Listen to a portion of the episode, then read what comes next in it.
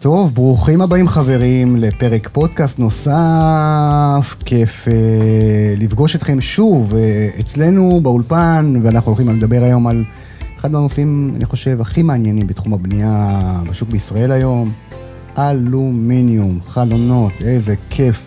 אני מארח כיום, היום באולפן את בטי אשורוב מחברת מאסטרו אלומיניום.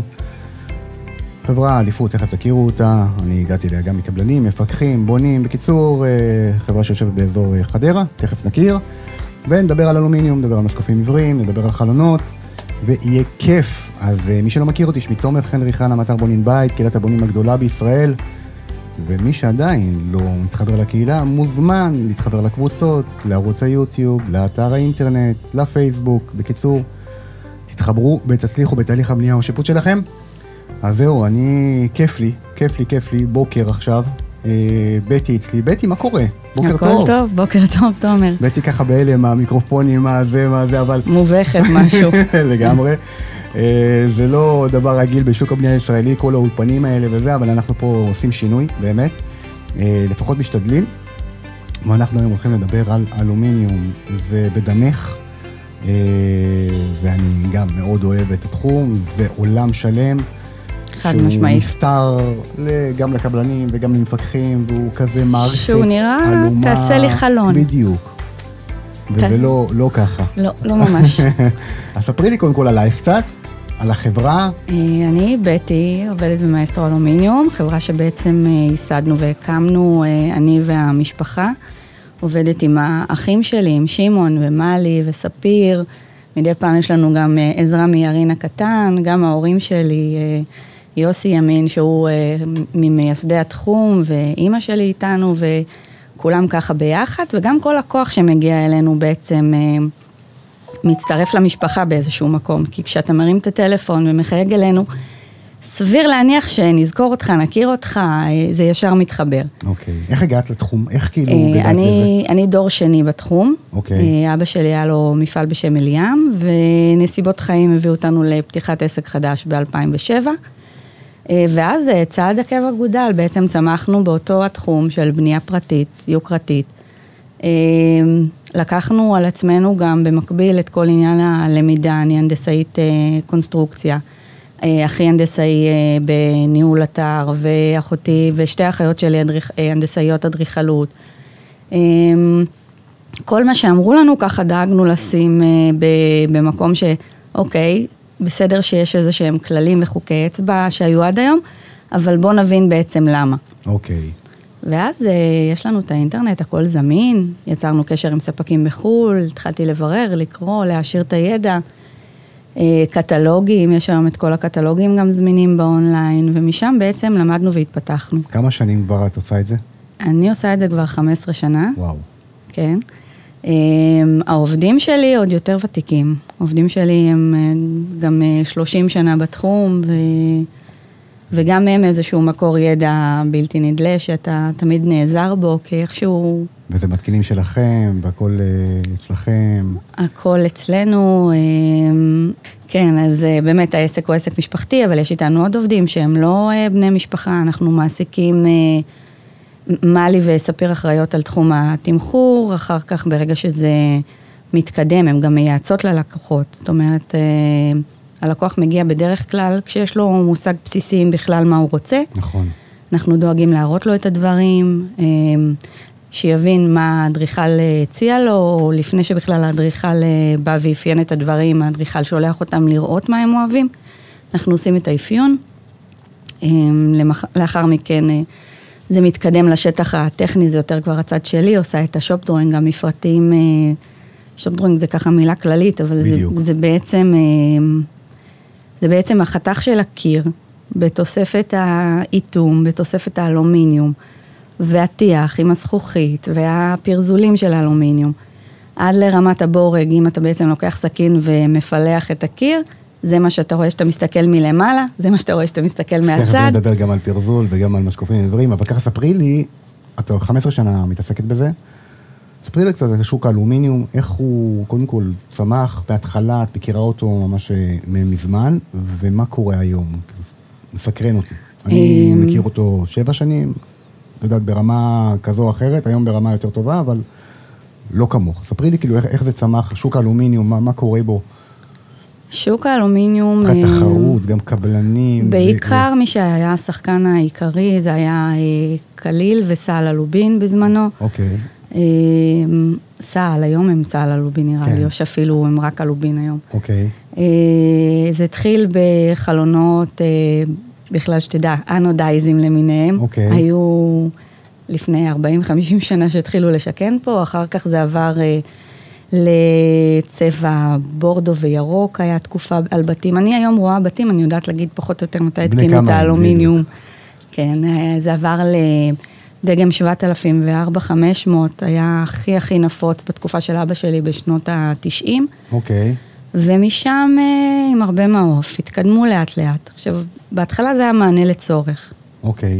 כל גם פעם לא היו הדלתות- מפתחים כל כך גדולים כמו כל היו... הדלתות, בדיוק המשפט הבא. אוקיי. כל הדלתות היו שתיים וחמישה, או שתיים ועשרה, אה, הזזה שתי כנפיים, בלי איזושהי מורכבות אה, שהיא חסרת תקדים, כמו שיש היום, שעל כל בית אתה מקבל עולם ומלואו, וצריך באמת לחשוב וללמוד ולפתור את הדברים.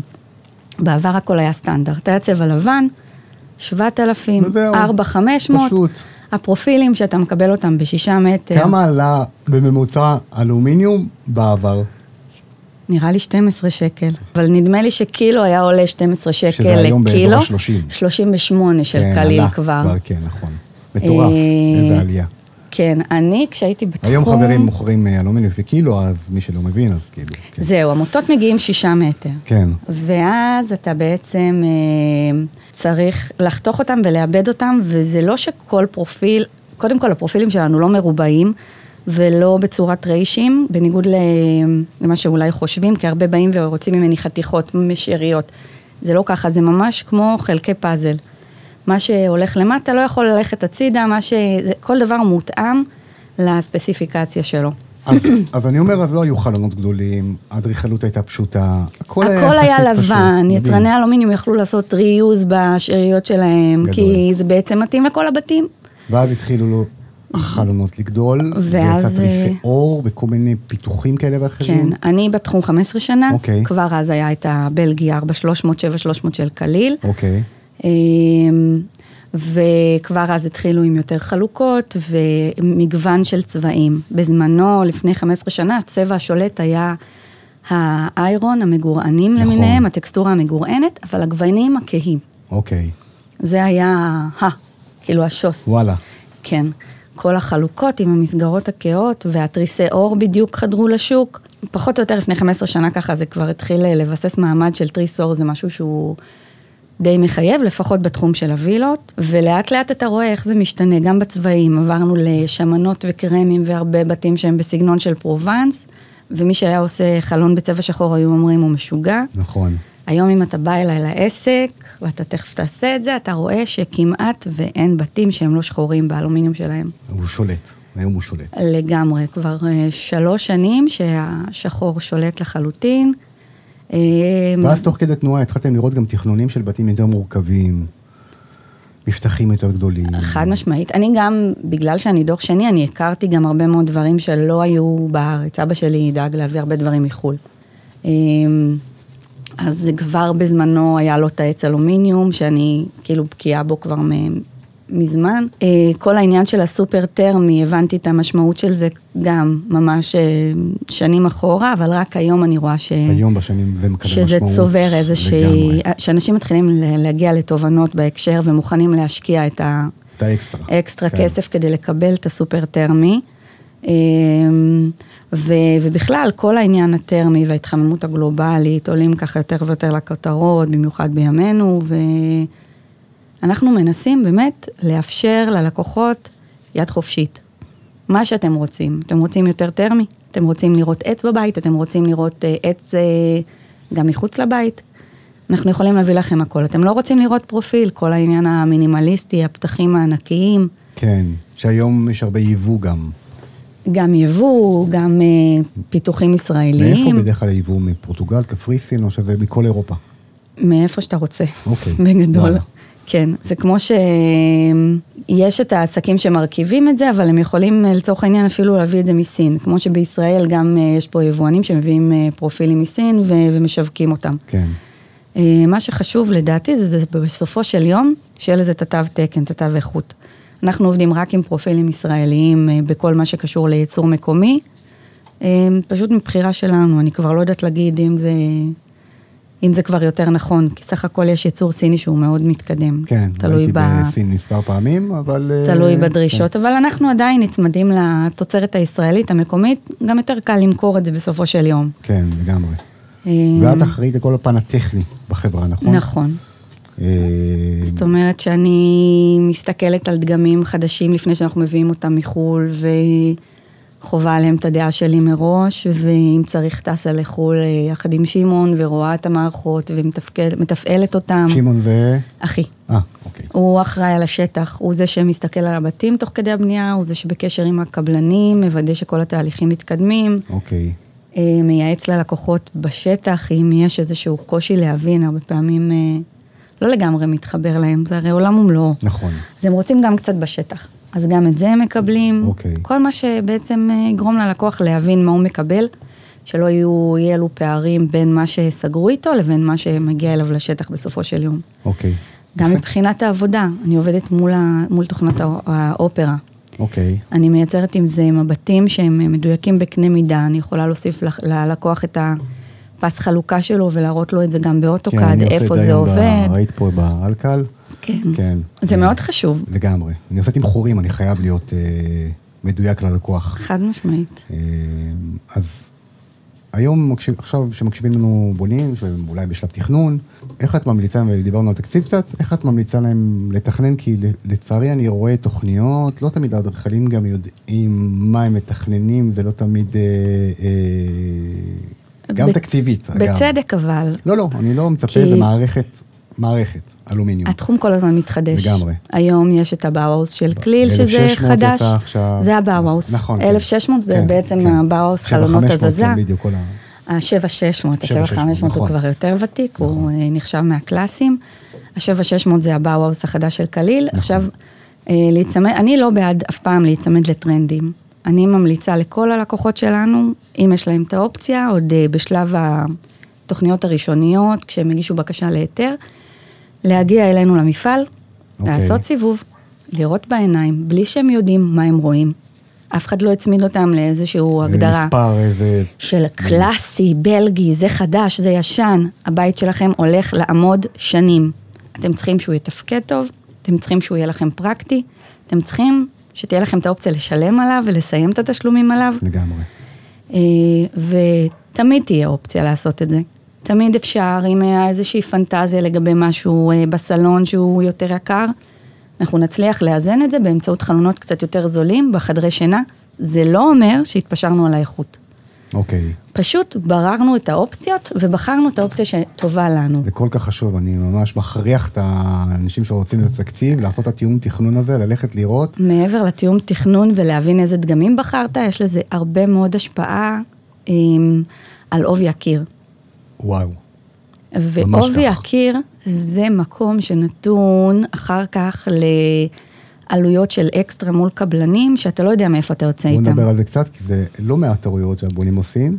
אני הייתי אה, לפני שבועיים במשרד אדריכלים גדול, העברתי להם גם אה, ככה אה, מצגת הסבר, קצת יותר לחבר את האדריכליות הזוטרות שעובדות שם במשרד, ואתה מקבל תשובה של מה הבעיה בלוק 22.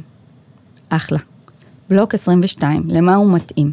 בלוק 22 מתאים גם לדגם 7600, בהנחה שאין לנו תריס. בדיוק. או לחילופין, בלוק 22, 7600, עם תריס שהוא ארגז בולט מבחוץ, משהו ש... כבר לא עושים. עושים. מעט. עושים כשיש אילוץ. בדיוק. עושים שאתה מבין שזה השיפוץ, כן. ולא, כן. ויש תקציב. אני כן. בעד תקציב, אני בעד להישאר ריאלי. אני... אני לא חושבת שאנשים צריכים אה, לקנות משהו שהם לא יכולים להרשות לעצמם. מסכים איתך לגמרי.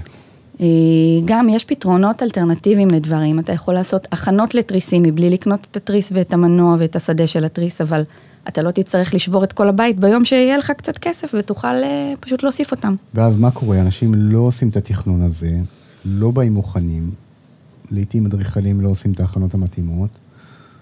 ואז מה? מסיימים שלד ו... ואז אומרים להם, אבל עשיתי לך בלוק 20, גבר. איך עכשיו אתה רוצה ממני 35? ואז מנסים לאלתר, עושים עיבויי גבס, עושים טיח טרמי, נכנסים להוצאות שמספיק שהיו יושנים עליהם בהתחלה. אלתורים זה כסף. אלתורים זה כסף והרבה כסף. נכון. אני בעד, באמת הטיפ הכי טוב שאני יכולה לתת לאנשים זה לתכנן הרבה ולבנות בדיוק, מעט. נכון. זה הטיפ הכי טוב שאפשר לתת. נכון. ואז כשמתכננים, באים אלייך, או לעסק טוב אחר, זה לא משנה, יושבים ומתכננים ומגיעים לעובי קיר רצוי. באמת אבל, לפתוח אמיתי. את החלון, כן. לסגור את החלון, להבין את המשמעות שלו, להגיד מה אוהבים, לעשות את הרשימה. אוקיי. לקבל הצעת מחיר. מתאים? אחלה. לא מתאים? איפה לא מתאים? בואו נראה. אולי הלכנו רחוק מדי באפיון של הזכוכיות. אולי רציתם שזה יהיה גם טרמי וגם אקוסטי, וככה התפרענו ואנחנו יכולים לצמצם. אולי אפשר לעשות רק הכנות לתריס ולא לעשות את התריס. אולי יש מקומות שאפשר לוותר על דברים מסוימים. אולי אפשר במקום אה, שלוש ויטרינות סלון לעשות קבוע ושתי ויטרינות בסלון, כי אנחנו לא נצא מכל מקום. אוקיי, נכון. זה גם חוסך עלויות, והרבה עלויות. עלות של ויטרינה לעומת קבוע, זה עלות הרבה יותר גדולה. בוויטרינה בדרך כלל יש צד אחד שיוצאים ממנו וצד אחד שנשאר קבוע, זה מה שקורה בדרך כלל. תמיד יש צד ש... אבל ש- כשאתה בונה, הכל נורא קריטי לך. כן, נכון. ואז אני נכנסת לבתים 15 שנה אחרי ורואה מדבקות על החלונות. וואי, ואז אתה אומר, אבל רגע, למה, למה? לגמרי. תדעו להשקיע במה שצריך. לא הכל חייב להיות, אם יש תקציב, לכו על זה, כן? אבל גם הבתים שעשיתי שהיו נטולי תקציב, זאת אומרת נטולי מסגרת תקציבית, אלא תקציב, תקציבי עתק, הבינו בסופו של יום שרגע צריך להתכנס. לגמרי. אגב, אני לא מבין אה, משפחות שיוצאות בלי תקציב מקצועי לבנייה. לא, הכוונה היא את זה. שתקציב הבנייה היה מעל 15 מיליון שקל נניח. אנחנו פה פונים גם לקהל ש... מעולה, גם אני, כן. אה, אני, ב- כאילו, גם אני בשנות ה-30 לחיי, אימא לילדים, מרוויחה משכורת, ובעלי עובד, וגם אני קניתי בית, ואני הייתי צריכה לשקול מה גובה המשכנתה שלי, וכמה ההחזר שלי, ומה נכון. גובה השיפוץ שלי. הכל טוב ויפה והכל מובן, ו... תמיד תקציב, תקציב, תקציב, אנחנו חוזרים על זה כל הזמן, ותכנון מראש. כן. תכנון אלומיניום הוא סופר מראש. שווה לגמרי, ללקוחות כי לפעמים כסף. אה, אדריכלים, עם כל הכבוד, את יודעת, הם עפים עם הדמיונות ומפתחים. אני בעד, לא, לא, אני בעד, זה. מה שמביא אותנו לאיפה שאנחנו, אבל נכון. הרבה פעמים על אותה תוצאה אפשר לעשות כמה אלטרנטיבות. כן, לגמרי. בוא נדבר קצת על ההבדלים בין נגיד בתי יוקרה לבתים סטנדרטיים היום. אה, אמ, אני לא אוהבת לצאת בהכללות האלו לא, בגדול. לא, לא הכללות, אני אומר, אמ, אה, אה, השאלה שלי, איפה, איפה הקפיצה? זאת אומרת, אני בתור בונה שמתכנן, ויש לי בית היום נגיד 300 מטר, שתי קומות, מרתף, שתי קומות, אני רוצה שהוא יהיה יפה, אני רוצה שהוא יהיה ככה עם מבטחים אה, מגניבים. איפה אני יכול לחסוך, במרכאות, שלא יצא לי עכשיו איזה 300 אלף, 400 אלף שקל הצעת מחיר, אני רוצה להיות ככה, להישמר. בגובה של הוויטרינות. זאת אומרת, לשמור על גובה סטנדרט. אה, לא סטנדרט, אז מה? אין היום אז סטנדרט. מה זה הגובה? מה קודם כל אין? היום סטנדרט, בואו אוקיי. נתחיל מזה. זה ממש כמו חנות בגדים. אוקיי, אתה יכול להיכנס, אין אה, חולצה סטנדרט. אוקיי, זה שיש לה שני שרוולים לא עושה אותה סטנדרטית, יש אוקיי. הכל מהכל. אה, בדיוק ככה גם בחלונות. אה, זה אומר שאם אתה אה, חורג מגובה של 2.40, אז אני אצטרך לחשב עומס אה, סטטי ועומסי רוחות ומאמצי רוחות על שטח שהוא כבר מתאים לפרופילים יותר חזקים. יותר חזקים, שוקלים יותר. פרזול עולה יותר. פרזול. הכל כן. עולה יותר. זה נגזרת של מחיר. אוקיי. תשמור על גובה של 2.40, סבבה. הגעת עד גובה של 3 מטר, אתה עוד יכול להשתמש בסדרות מקצועיות אה, ישראליות, בתוספת אה, חיזוקים שאני לפחות, אנחנו עושים חיזוקים פנימיים, אני לא משחררת אף פרויקט ללא בדיקה אה, של אוקיי. עמידות, אני לא אשלח אף חלון לשטח אם חלילה יש לי איזשהו פחד שמשהו יקרוס או משהו לא יחזיק מעמד לאורך שנים. ואני תמיד לוקחת בחשבון שהרוחות רק מתחזקות פה. נכון. משנה לשנה נהיה פה יותר חם, לחצי הרוחות משתנים, ואנחנו לא רוצים לשמוע שריקות בבית, אנחנו לא רוצים שנצטרך לקרוא להורה כדי לפתוח את הדלת ושהילד לא יצליח לפתוח. אה, אנחנו לא רוצים להילחם עם הנעולים. אז חשוב מאוד לקחת את המוצר שמתאים לפתח. אוקיי. לא לבוא ולהתחכם, מיותר להתחכם. במבטחים שהם מעל לשלוש מטר גובה, בדרך כלל אנחנו כבר נלך לפתרונות של יבוא. ואז שוב, עולם ומלואו. השמיים הם הגבול, מה שנקרא. ממש, ממש. אמ, ראיתי כבר ויטרינה לא שלי, תשע מטר. וואו, יחידת זכוכית אחת, תשע מטר. מטורף. אתה מבין שאתה צריך להביא את זה מחו"ל, זה קונטיינר פתוח, זה... בעיניי זה באמת כבר נהיה טירוף. ממש. אתה, עד שאתה חושב שהבנת כבר והתמקמת על איזשהו משהו שהוא מקום טוב באמצע, אתה רואה את הענקים ואתה אומר, וואו, זה ממש מפלצות. זה כאילו, יש תחרות מי מי ישבור את השיא. לגמרי, לגמרי. אם בחו"ל, כן. לגמרי. אם בחו"ל אתה הולך ואתה קונה מההום דיפו את החלונות כן. שלך, בישראל אין סיכוי שזה היה קורה. וואו. כל אחד רוצה להיות אה, אחר מהשכן שלו, מפתיע יותר, נועז יותר, גדול יותר, אה, יקר יותר. בסדר, אנחנו, אצלי זה הפוך, אבל... בבתים, כן, בבת- בבתים הרגילים. בבתים היותר, אה, בתי משפחות יותר כן. קונבנציונליים שצמודים לתקציב, אה, ויטרינות של נניח, אמרתי 2.40, אפשר גם 2.60, אה, יעמדו ברוב הדברים.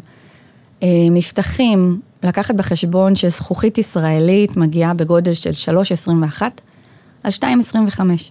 אוקיי. ברגע שאנחנו חורגים מהמידה הזו, ואני אחזור אליה, 3.21 על 2.25 ליחידת זכוכית, שטח. כן, אתה יכול אוקיי. פעם להשתמש כגובה או ב-3.21 כרוחב? כגובה, כן. אתה יכול לקחת אותו לרוחב. כן, אם, בואו ניקח אותו רגע לרוחב, אוקיי, אז 3.21 הרוחב, 2.25 הגובה. כן. זה אומר שעד ויטרינה של 2.30 גובה, אני אוכל לייצר מפתח שהוא על פניו 6.5 מטר רוחב. אוקיי. עכשיו, שש וחצי מטר רוחב, אנחנו כבר נגיע לפרופיל 2200 או לפרופילים מינימליסטיים, אולי אה, 9400 בנסיבות מסוימות, צריך באמת לבדוק את זה כן. לעומק, מיקום, אה, מיקום בבית, קומה, אה, הכל, לחצי רוחות, באמת לעמוד בהכל. אבל ברגע שמתכננים מפתח שהוא בגובה אה, נניח של 3.40, כבר אנחנו לוקחים בחשבון שהזכוכיות הישראליות, המחיר הבסיסי שלהן לא רלוונטי. אנחנו משת- משתמשים בזכוכיות ג'מבו, שהן עולות לי מינימום פי ארבע. אוקיי. כשזה מעבר ל... מעבר לגובה של ה-3.21, 2.25 ליחידת זכוכית. אוקיי, אתה מתחיל לשלם בפי, בקפיצות של כפולות. אוקיי. אם אני משלמת בקבוצות של, בקפיצות של כפולות, אתה משלם גם. בדיוק. אמ, אז גם פה לקחת בחשבון שהפרופילים מגיעים 6 מטר, ותריס אור אה, יכול להגיע עד לרוחב של 6.5 לכל היותר. אם אתה מתכנן מפתח של 10 מטר בסלון, אתה לוקח אותו הכל בלי עמודים, סלון, פינת אוכל, מטבח. אתה תצטרך, ואתה רוצה פתרון לתריס, יכול להיות שהפתרון היותר אסתטי והיותר זול יהיה לחלק את זה כן באמצעות עמודים ולעשות שתי ויטרינות. כאלה, או... או ממש עמודי כן, בטון. כן, או עמודי בטון, כן. אפשר גם לחפות אותם. כן. אבל כן לקחת בחשבון שאין 10 מטר תריס ב- עם מנוע אחד. זה לא ישים, זה לא, זה לא קיים. אז יש פתרונות אלטרנטיביים. בהרבה בתי יוקרה יותר אתה רואה את התריסים שנראים כמו ונציאני פנימי בחוץ. נכון. זה נקרא צלונים. אוקיי. ההבדל בין צלון לתריס גלילה זה שהוא אה, נערם כלפי מעלה. זה בעצם ונציאני, כמו שאנחנו מכירים מהמשרדים הפנימי, זה רק בחתך של 8 סנטים או 9 סנטים, והוא אה, עורם את עצמו למעלה ולמטה, והוא מסתבסב בהטייה שמאפשרת לנו לראות, אה, לראות דרכו גם כשהוא סגור את החוץ, לשלוט בעוצמת האור, אבל אין אטימות מלאה בניגוד ל...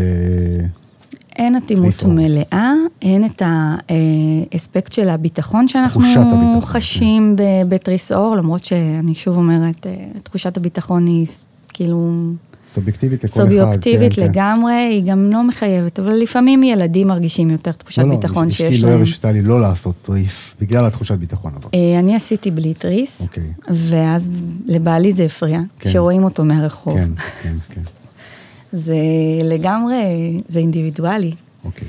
אה, אני חושבת שאנשים שהם בונים, הם צריכים לחשוב אה, איך הם התנהלו עד היום בבית שלהם, מה הם רוצים לבית החדש, וסביר להניח שלא נשנה הרגלים בצורה דרמטית. כן, אנחנו די אה, שטנצים, כאילו. כן, אם היינו דורכים את האזעקה כשהיינו הולכים לישון כל לילה, סביר להניח שנעשה את זה גם בבית החדש, אנחנו גם נעשה אזעקה ואנחנו גם נרצה אה, לייצר איזושהי אטימה קצת יותר הרמטית אה, של הבית, אז אוקיי. באמת ריסי אור הם פתרון.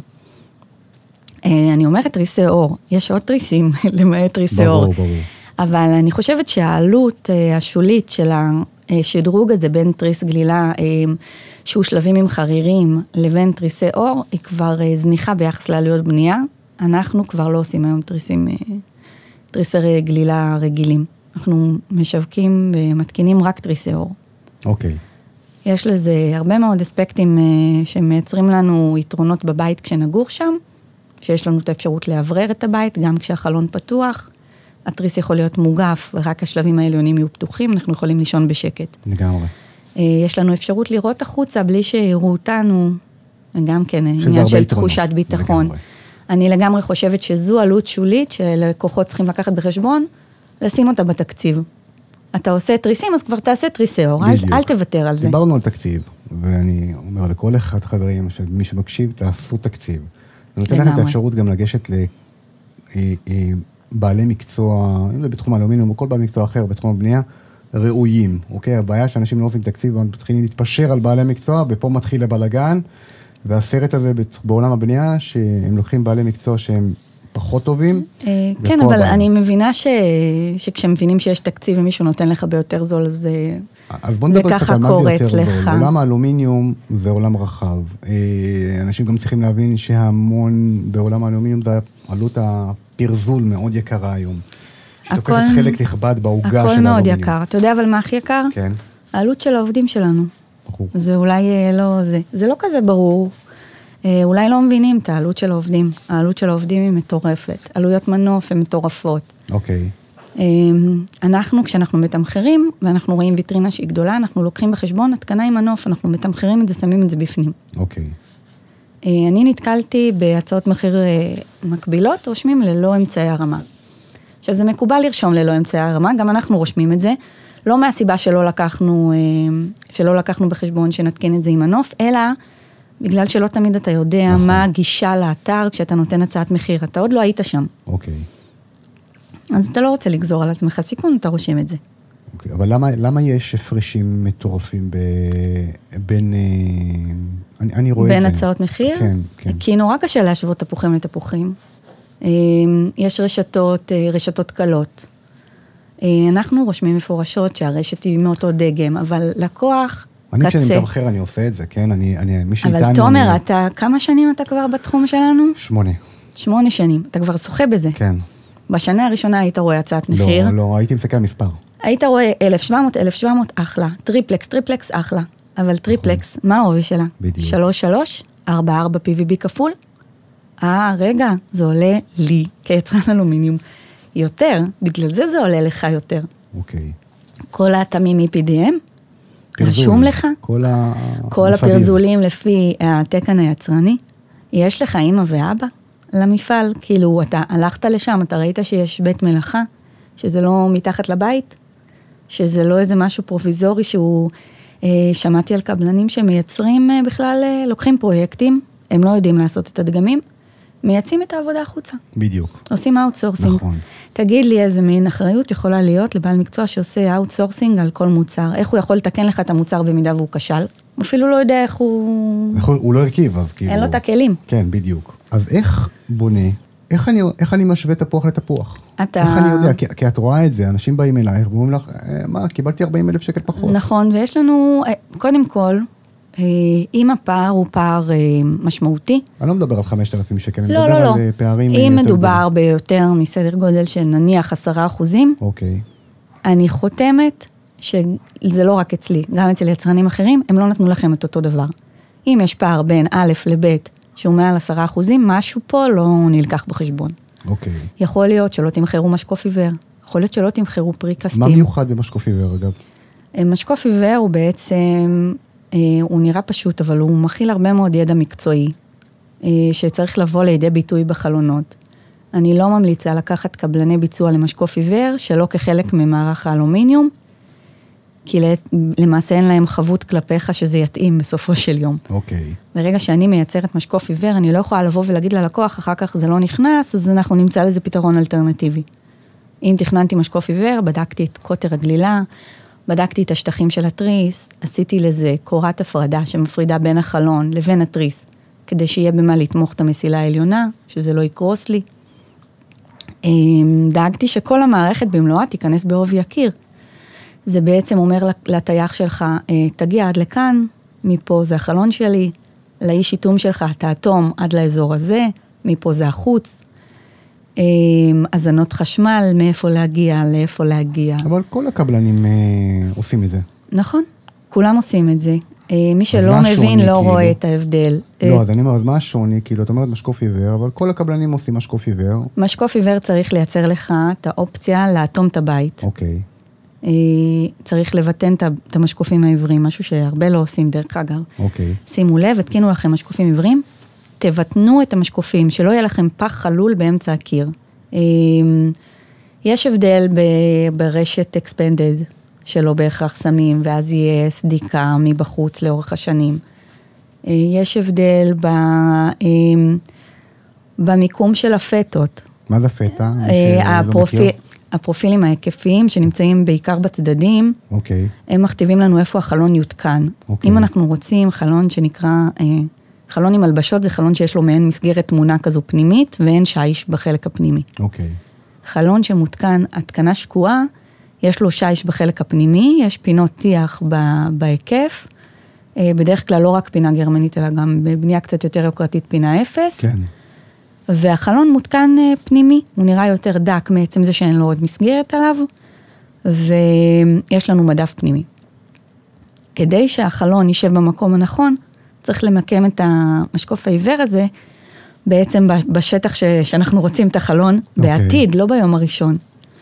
אז כל הדברים האלו נלקחים בחשבון כשאנחנו מתכננים את המשקוף העיוור. אה, את המשקוף העיוור, שוב, כמו שאמרתי, אוטמים כלפי חוץ. אני באה ומכסה את כל המשקוף העיוור במלואו על ידי האלומיניום שלי, כשאני חופפת קצת על הטיח הפנימי וקצת על הטיח החיצוני, שבדרך כלל הוא כבר אחרי שליכט. זאת אומרת, התקנה איכותית מאוד של משקוף העיוור עושה... סדר. הכנה מטורפת להמשך. חד משמעית. אמ, הרבה, בהרבה מקומות אנחנו גם נגיד אה, בשיפוצים, אם אין תריסי גלילה, אנחנו נגיד להם, תתקדמו ללא משקוף עיוור. אוקיי. מכיוון שהמשקוף העיוור יכול להיות גם לרועץ, הוא גם יכול לייצר לך בעיות.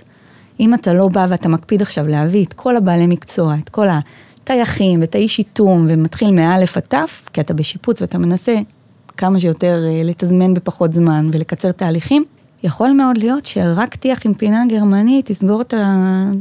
יסגור לך את הפינה יפה וגם ימנע ממך אה, אה, נזילות עתידיות. אוקיי. Okay. ונזילות וחדירות מים זה הדבר הכי גרוע שיכול להיות בתחום הבנייה. נו, ספרי לי על זה. אתה לא יודע מאיפה לצאת מזה, אז אנחנו מלכתחילה לא רוצים להיכנס לזה. כן. את המשקוף העיוור אנחנו בודקים שתייחו כמו שצריך, שהתקינו כמו שצריך, הוא חייב להיות... אה, דיאגונל. בדיוק.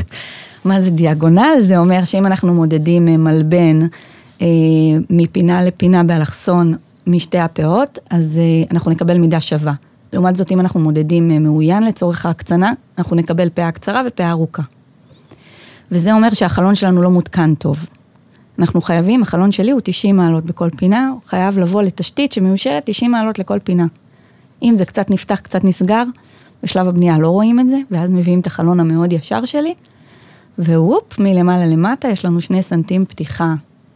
מה עושים? ממלאים את זה בחומרי אטימה. כמה בא לנו על זה? לא בא לנו על זה.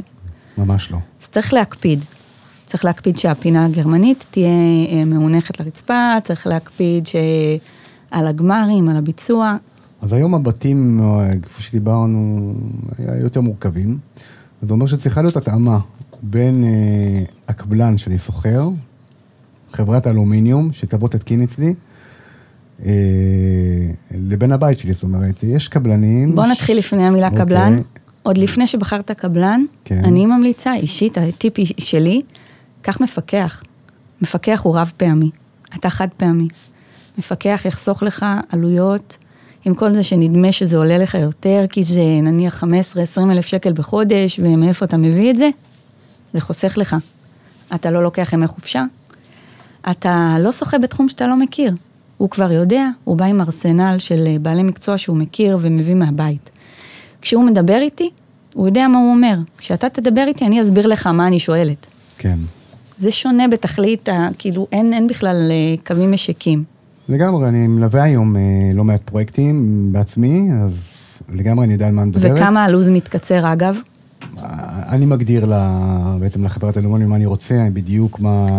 לא, מהיום שעלית אה. לקרקע עד ליום שעברו לגור, אם יש מפקח או אין ברור, מפקח, ברור. הלו"ז מתקצר. ברור, ברור. אנחנו נוטים לחשוב שלא, אבל הלו"ז מתקצר. כן. אין אפס. בעלי מקצוע טובים, לצורך העניין גם לא חייב מפקח. אם לא, אם אתה מחליט בכל זאת שלא ללכת עם מפקח, לפחות שהאדריכל יהיה, אה, לא אדריכל תוכניות, בדיוק. אלא אדריכל עם עומק. אדריכל שמתכנן לך גם את המטבח, מתכנן לך גם את המקלחות כמו שצריך, מתכנן לך את עובי הקירות ומוציא את הפרטים עם האיש אלומיניום. כן, כן, אני התכוונתי לזה שלפעמים אנשים לוקחים אה, אה, חברות אלומיניום שלא רגילות לעשות בתים מורכבים, לבצע בית מורכב. וזה לא אני פשוט. שמחה להגיד שאני מכירה רק את הלקוחות שלי. לא, בסדר, אני, אני רואה הכל. אה, אז, אז זה, זה קורה, אז בעצם אני פה אומר, קחו בעצם חברת אלומיניום, תוודאו שהבית שאתם בונים, שהם עשו בתים דומים כמו שלכם, מורכבים כמו נכון, שלכם. לכו, אה, תראו יוקרה הוא לא בתים. כמו בית רגיל, הוא לא כמו בית פשוט, יש המון אלמנטים שהם אה, יחסית צריך, מורכבים. אני בעד. אה, אם הוא בעל מקצוע, הוא בטח עבד, לך תראה בית, שתיים של, ה, של, ה, של אותו יצרן, תשאל את הלקוחות אם היה להם נעים, אם היה להם תקלות אחרי, אם היה להם קושי לקבל שירות. שירות, שירות, שירות, שירות, שירות. אה. אתה יודע, אתה יודע, אתה מדבר עם אנשים, ואתמול היה כנס, אז uh, הגיע בחור שכבר סיים לבנות ובונה בית, שני, ארבע בתים נוספים למשפחה שלו. והוא אומר לי, מה שבניתי בבית הראשון, התפשרתי על בעלי מקצוע, זהו, לא עוד. אה, אבל אתה שם לב שזה תמיד אחרי איזה קביעה. כן, כן, כן. אז אנחנו, נורא אנחנו קשה בבונים בית לנו. מנסים, נורא קשה לנו שאנחנו באים בתוליים לתחום מסוים, לבוא ולהגיד, לא, לא, זה בסדר, אני אשכח את היותר יקר, כי הוא יותר טוב, כי הוא יותר מקצועי.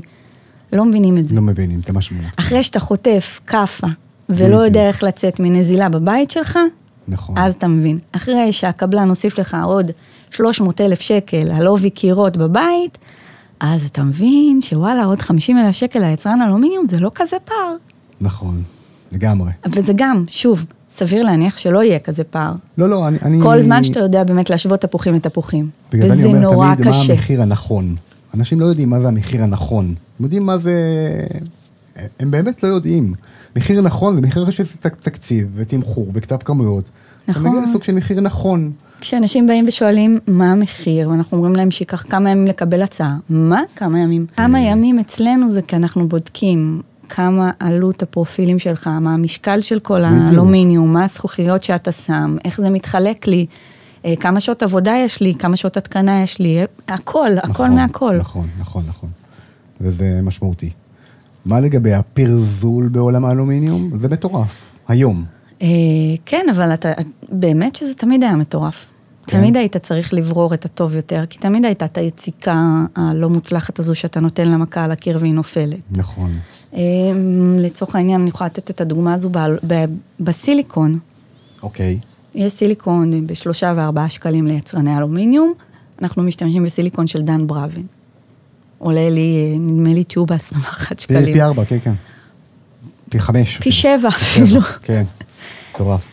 אה, והסיבה היא שאני לא רוצה שהסיליקון יתייבש, ואז יהיה לך דירות מים. הסיליקון לא אמור לעבוד אה, שנה-שנתיים במיטבו, הוא צריך לעמוד שם אה, לאורך כל השנים. אם הוא מתנתק, אם הוא מתקשה, אם הוא מתייבש. וגלגלים, ומנגנוני נעילה, ורשתות. הכל, ומנועים. אנחנו גלגלי או קולון, ועדיף מיסבי סיכות, אבל אתה לא יודע, אתה לא. אתה בונה בית, נכון. אתה לא לומד את כל התורה. נכון. לך לבעל מקצוע שאתה יודע שהוא לא מביא לך חרא של מוצר. אם הוא נותן שירות ואם המוצרים שלו עובדים אצל חבר שלך או אצל שכנה שלך כבר שבע שנים, אז אתה יודע שהוא עובד טוב. אין בזה, אין בזה התחכמויות. אם שמתי מוצר לא טוב, מהר מאוד זה יתגלה. מה זה מהר מאוד בעולם האלומיניום? אז זה מהר מאוד, תוך חצי שנה אוקיי. יישברו לו מנגנוני אה, אה, מעבירי תנועה. אוקיי. שזה אומר שסגרו את הדלת ופתאום פאק, שמעו איזה שבירה והידית כבר לא מתפעלת שום דבר. גלגלים, אם מלכתחילה הגלגלים לא זזו כמו שצריך, יכול להיות שהמערכת לא מתאימה בכלל לגלגלים.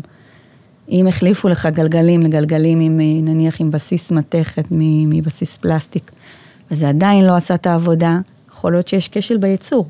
אוקיי. לא בהכרח בפרזול, אבל אתה, דברים של בדיעבד לא עוזרים לך.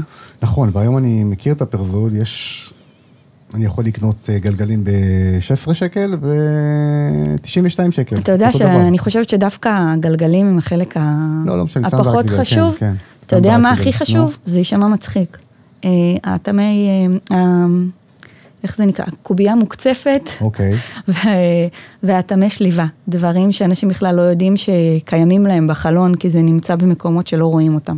מקומות נסתרים. כן, כמו מסילה, המסילה התחתונה של חלונות היא בדרך כלל מסילה אמבטיה, זאת אומרת שנכנס אליה מים ומתנקז ממנה החוצה. כן, אם הצדדים לא אטומים, עם קובייה מוקצפת, זה בעצם מעין אה, ספוג כזה, אוקיי. שנמצא בפנים בכלל, אתה לא רואה אותו.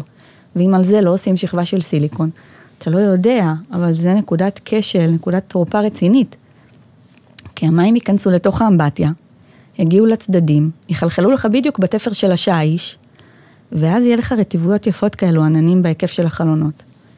וזה בכלל מפריט שעולה באמת ליצרנים, זה, זה די זול, אבל חוסכים את זה כי זה חוסך עבודה וזה חוסך זמן ולא צריך לחכות לייבוש. אמ, באמת, זאת אומרת, יש... האלומיניום זה לא, המ- המערכת, הפרופילים, זה סבבה, זה אחלה. כן, אין, אין גם אבל- בעיה עם השווה ערך, באמת, כן, אין בעיה כן, עם כן, שווה כן. ערך. זה יותר משנה מי מייצר לך ברמת גימור. הייצור ואיכות הפרזול, זה מה שעושה את המערכת למערכת טובה. חד משמעית. ואתה צריך יודע, מה זה טובה? לשים- זה גם אמינה לאורך שנים, כאילו, אני, אני לא בונה בית לשנה. זה דלתיות מים, כדי שלא יהיה לך שריקות מהמסילות, ושהמים יתנקזו נכון. והטמי שליבה זה כדי שגם, אה, זה מה שנמצא במרכז, בין שתי חלונות הזזה, אה, שאותם בעצם את המעבר הזה בין שתי המסילות, שלא ייכנסו ג'וקים ולא ייכנס משם רוח. זה דברים שאתה לא בהכרח יודע לשים עליהם את האצבע, אבל בחלון טוב הם יהיו. אה, זה אומר באמת אה, שימוש במברשות מתאימות. לא כל מברשת מתאימה לכל חלון.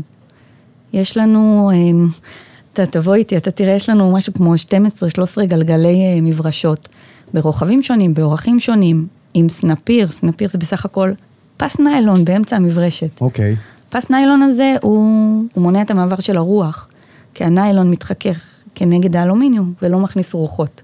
בעוד אה, דרך מברשת, ברוח חזקה, זה מברשת. ואז מתחיל לשמוע את יש לזה המון. השריקות. באמת שזה עולם ומלואו. כן. באמת, הכי קל, הכי טוב, ללכת, לראות, להבין שיש לך אבא ואימא, להבין שהוא, עשה, שהוא עושה עבודה טובה במקומות אחרים, אתה יכול בדרך כלל להיות רגוע שאתה תקבל מוצר טוב. יש הרבה יצרנים טובים.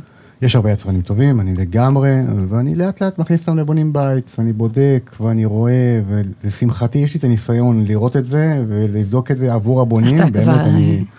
אתה כבר הרבה זמן, אתה גם מתמחר על... אה, אני מתמחר על... על תוכנה של כן, אלומיניום, כן, זה כן, לא-. לא צחוק. זה לא צחוק, זה לא צחוק, ויש פרופילים, את יודעת, כאילו, שהם מטורפים, שלפעמים גם אני לא מסתדר, ואני פונה לקולגות כמוך, או זה שעוזרים לי בזה, זה לא פשוט, זה לא ככה... כן, כי יש נטייה להיצמד לחדש, והחדש הוא תמיד הכי פחות מוכר, והכי נכון, פחות אה, נכון, ידוע. נכון, נכון. אבל הכי חשוב לי שלבונים שלי יהיה תקציב מסודר, ומפרט מסודר, וקבלן. רוב, ה... רוב ההצלחות בבנייה, בתחום הבנייה, זה הבחירות. לבחור חברת אלומיניום, קבלן אלומיניום ראוי, וקבלן שלד. ואתה יודע, את הבחירות של האנשים הראויים והטובים, עושים לך את התהליך הבנייה מטורף, מדהים. נכון. ו... והתוספת, את יודעת, כשמסתכלים על תוספת כספית, היא לא גדולה אחרי שאתה מבין מה המשמעות של הבנייה ומה המשמעות של... מתי אתה מבין? אחרי שנדפקת. אני לא רוצה שהם ידפקו, אני רוצה שהם נכון. יבנו את הבית הראשון כאילו השני שלהם, וזו המטרה של בונים בית. אני אה, יותר מאשמח. אני נכנסתי לתחום הזה, אה, ללא הנדסאות בניין, ואז הבנתי שבעצם למפקח לא חייבת להיות הסמכה, אה, וכל אחד יכול לקום בבוקר, לפתוח חברה ולהגיד שהוא מפקח בנייה. לצערי. ואז הלכתי ללמוד, וככל שלמדתי יותר, נהייתי יותר אה, חששנית, כן, לגמרי. כי פתאום אתה מבין את המשמעות של כל דבר שאתה עושה, וכמה השלכות יש לו בבניין. נכון. אה, וזה מאוד מאוד חשוב לבחור בעלי מקצוע שהם באמת מוסמכים ומנוסים, לא רק באלומיניום, בהכל. בהכל, נכון. האיש שיטום לא יכול לעשות את העבודה הראשונה שלו בבית שלך, והחשמלאי לא יכול לעשות את העבודה הראשונה שלו בבית שלך. אתה לא תסיים עם זה, לא יהיה לזה קצה. נכון. אתה לא תוכל לעבור לגור בבית הכל ולהגיד, מתחיל- זהו, פה הכ- המשפחה שלי ואין יותר בעלי מקצוע. הכל מתחיל ומסתכם בתקציב. אה, כי- אבל כי- יש דרך להגיע אבל- לתקציב, אם אתה... לא, לא, אני מדבר כאילו כשיש לך נקודת ייחוס מקצועית למחיר, לעלות הבנייה שלך, אבל זה היתרון שיש לך. אתה לא מתקשה בלמצוא בעלי מקצוע שיש להם את הניסיון ואת היכולת להדריך אותך בבנייה נכון. נכון. אה, אז חשוב, חשוב, חשוב, חברים, לבחור את האנשים, ויש אנשים טובים בשוק, באמת, יש אנשים טובים, אני מכיר לא מעט, ומכיר גם לא מעט אה, פחות טובים, אין מה לעשות, זה השוק. אה, ועולם האלומיניום זה עולם מורכב, אנחנו חיים בעולם שמתפתח גם כל הזמן, גם אה, תכנונית, וגם גם אתם כל הזמן לומדים, כי כל פעם תכנונים משתנים. כל ו- פעם יוצא עוד משהו. ועוד אה, פרופיל. וכל העולם פתוח בפנינו, ואנחנו יכולים להביא את כל המערכות מחו"ל, אם זה PVC, ואם זה תריסים חיצוניים, ואם זה מערכות הצללה, ולוברים אנכיים, אה, שזה אומר כאילו רק מצלולים כאלו שמסתובבים בצורה חשמלית או ידנית. אה, באמת שאין לזה קצה. אנחנו נעשה את כל מה שאנחנו יכולים כדי לתת ללקוח שלנו את הפתרון ל vision שלו. אגב, טרמי, דיברנו על טרמי, גם רשימה של זכוכיות היא בלתי נגמרת בהצעת מחיר. אה, נכון. והרבה שאלות שואלים אותי, קודם כל, מה ההבדל בין טריפלקס לבידודית? אוקיי. ועד כמה משמעותי, נגיד באזור מישור החוף, אה, לשים אה, בידודית או טריפלקס, או אם זה טריפלקס, האם טריפלקס לעשות 4 לך- פלוס 3? בוא אני אנסה לעשות לך סדר. יאללה, תעשי לנו סדר. ככה, טריפלקס זה זכוכית ביטחון, בראש ובראשונה. שתי זכוכיות עם אה, foil אה, מרכזי, שבעצם מחזיק את הזכוכית אה, עומדת במצב שבירה, כמו לצורך הזכוכית העניין. הקדמית של הרכב. בדיוק. זכוכית קדמית של רכב. אוקיי. זכוכית מחוסמת, זה הזכוכית צד של החלון של הרכב, שאם חלילה נתקענו ברכב, אנחנו נותנים מכה, היא מתפוררת לגרגירים, היא לא פוצעת אותנו. כן. זה זכוכית מחוסמת. זכוכית בידודית, זה בהגדרה שלה נשמע בידוד, כאילו, אבל מה שזה עושה זה שתי זכוכיות, שתי יחידות זכוכית עם אה, מרווח ספייסר, אה, בעובי של כמה מילימטרים, שנמצא בין שתי הזכוכיות. מה, הוא, מה היתרון של הזכוכית בידודית הזו? היתרון המשמעותי שלה הוא בעיבוי, בקונדסציה, מה שרואים בכל ההצעות ולא מבינים מה זה. ברגע שאתה. מוציא בקבוק מהמקרר ומניח אותו על השיש, הוא מתחיל להזיע. נכון. זה קורה גם לבית שלנו ברגע שיש מצבי קיצון שקר בחוץ וחם בתוך הבית. מה קורה? כל הלחות שבתוך הבית מתיישבת על החלונות, מתחילה לייצר עיבוי. בעיה של עיבוי יכולה להיפתר באמצעות צירקולציה טובה של החלל. יש גם מייבשים במצבים מאוד מאוד חריגים. אוקיי. אה, ובגדול, תופעה של עיבוי קורית ב- יותר בבתים שנמצאים במושבים או במקומות שהם קצת אה, פחות אה, מאוכלסים, ויש להם באמת את החשיפה הזו לאיזה פרדס או לאיזה שדה, משטח מאוד מאוד גדול, שם עדיף ללכת על בידודית, ללכת על בטוח, כי בבידודית אין עיבוי. אוקיי. על זכוכית בידודית אין תופעה של עיבוי. בכל יתר המקומות, אני אישית ממליצה על טריפלקס, ואם רוצים, שזה אמרנו זכוכית ביטחון, שתי, שתי זכוכיות שמודבקות אחת לשנייה. שונות בעובי אחת מהשנייה? אה, לגבי זה, אין באמת משמעות לעובי השונה אוקיי. בהפחתה האקוסטית. זכוכית טריפלקס 3.3 מפחיתה 32 דציבל. אוקיי. כל שתי דציבל נוספים זה אה, כמו לחלק ב-50 אחוזים את הסאונד. אוקיי. אמ, העובי השונה הוא משהו שהייתה נטייה להגיד שזה מפחית יותר, עדיין יש נטייה. אז אה, זה לא נכון. אוקיי. ברגע שמדובר, אם אני מדברת על 3-3 לעומת 3-4, העליתי את המסה של הזכוכית, ההפחתה שלי זה בעצם, אה, זה הרץ אוקיי. ודציבל. כן. זה כאילו גלים וגבה גלים אוקיי.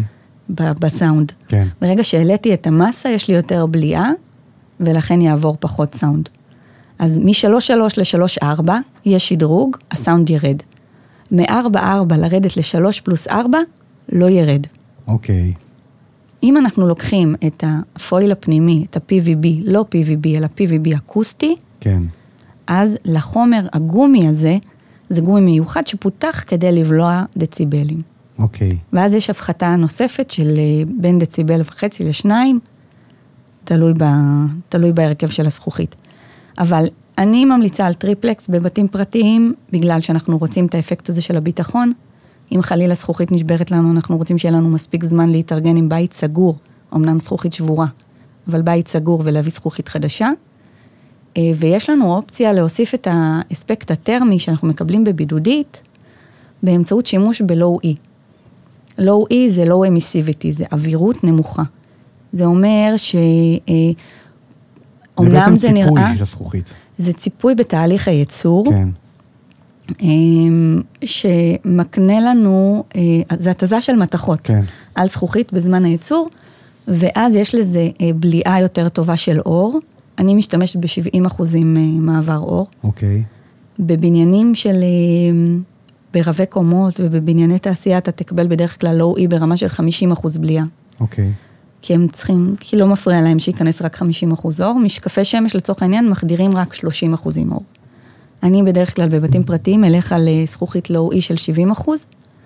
עד כמה זה מייקר לי את ההצעה? בבית פרטי זה יכול- סטנדרטי של 22, 25 נראה לי משטחים? שזה יהיה משהו סביב ה-12-15 אחוז, תלוי. גם, לא אוקיי. חייב.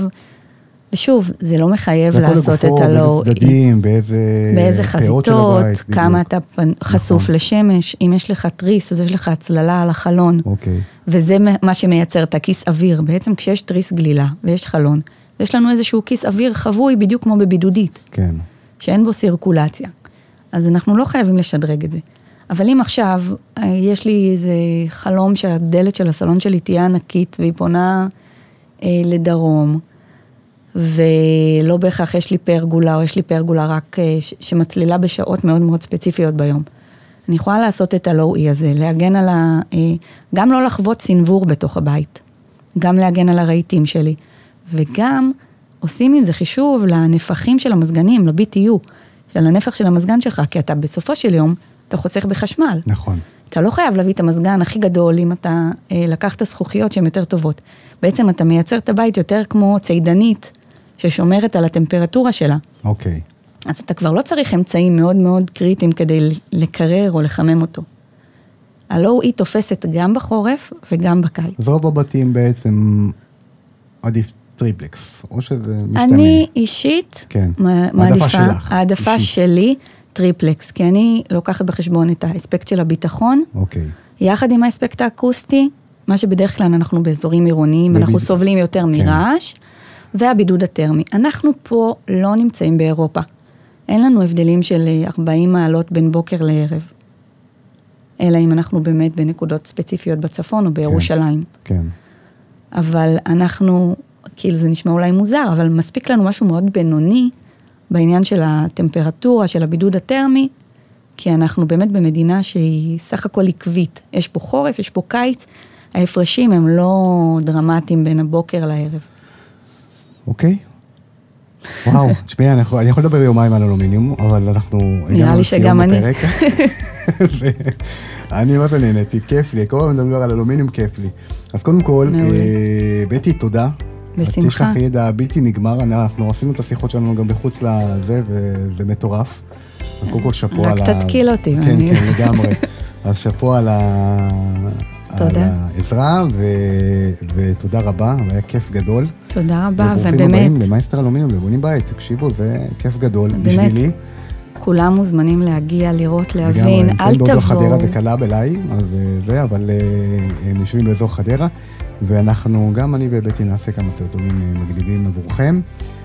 וזהו, הטלפון שלך, בטי, מופיע כמובן באתר למי שרוצה, מגיעים ישירות אליה, תרגישו חופשי, אה, וזהו. ואני... כן, ואל תתחילו בלי להבין מה אתם אה, לגמרי. הולכים לעשות. לגמרי. חבל. לגמרי. התוצאה תהיה הרבה יותר טובה אם תעמיקו בזה קצת. בדיוק. טוב, אנשים, תודה, אז תומר. תודה, אה, בטי, בכיף. אנחנו כמובן עדיין אה, נעבור- עובדים ביחד ונעבוד ביחד ונעשה עוד דברים נפלאים. חברים, אז תהנו, כנסו לאתר, תבינו, תלמדו, תירשמו בערוץ, חברים, לא לשכוח ללחוץ על הפעמון. יאללה, ביי.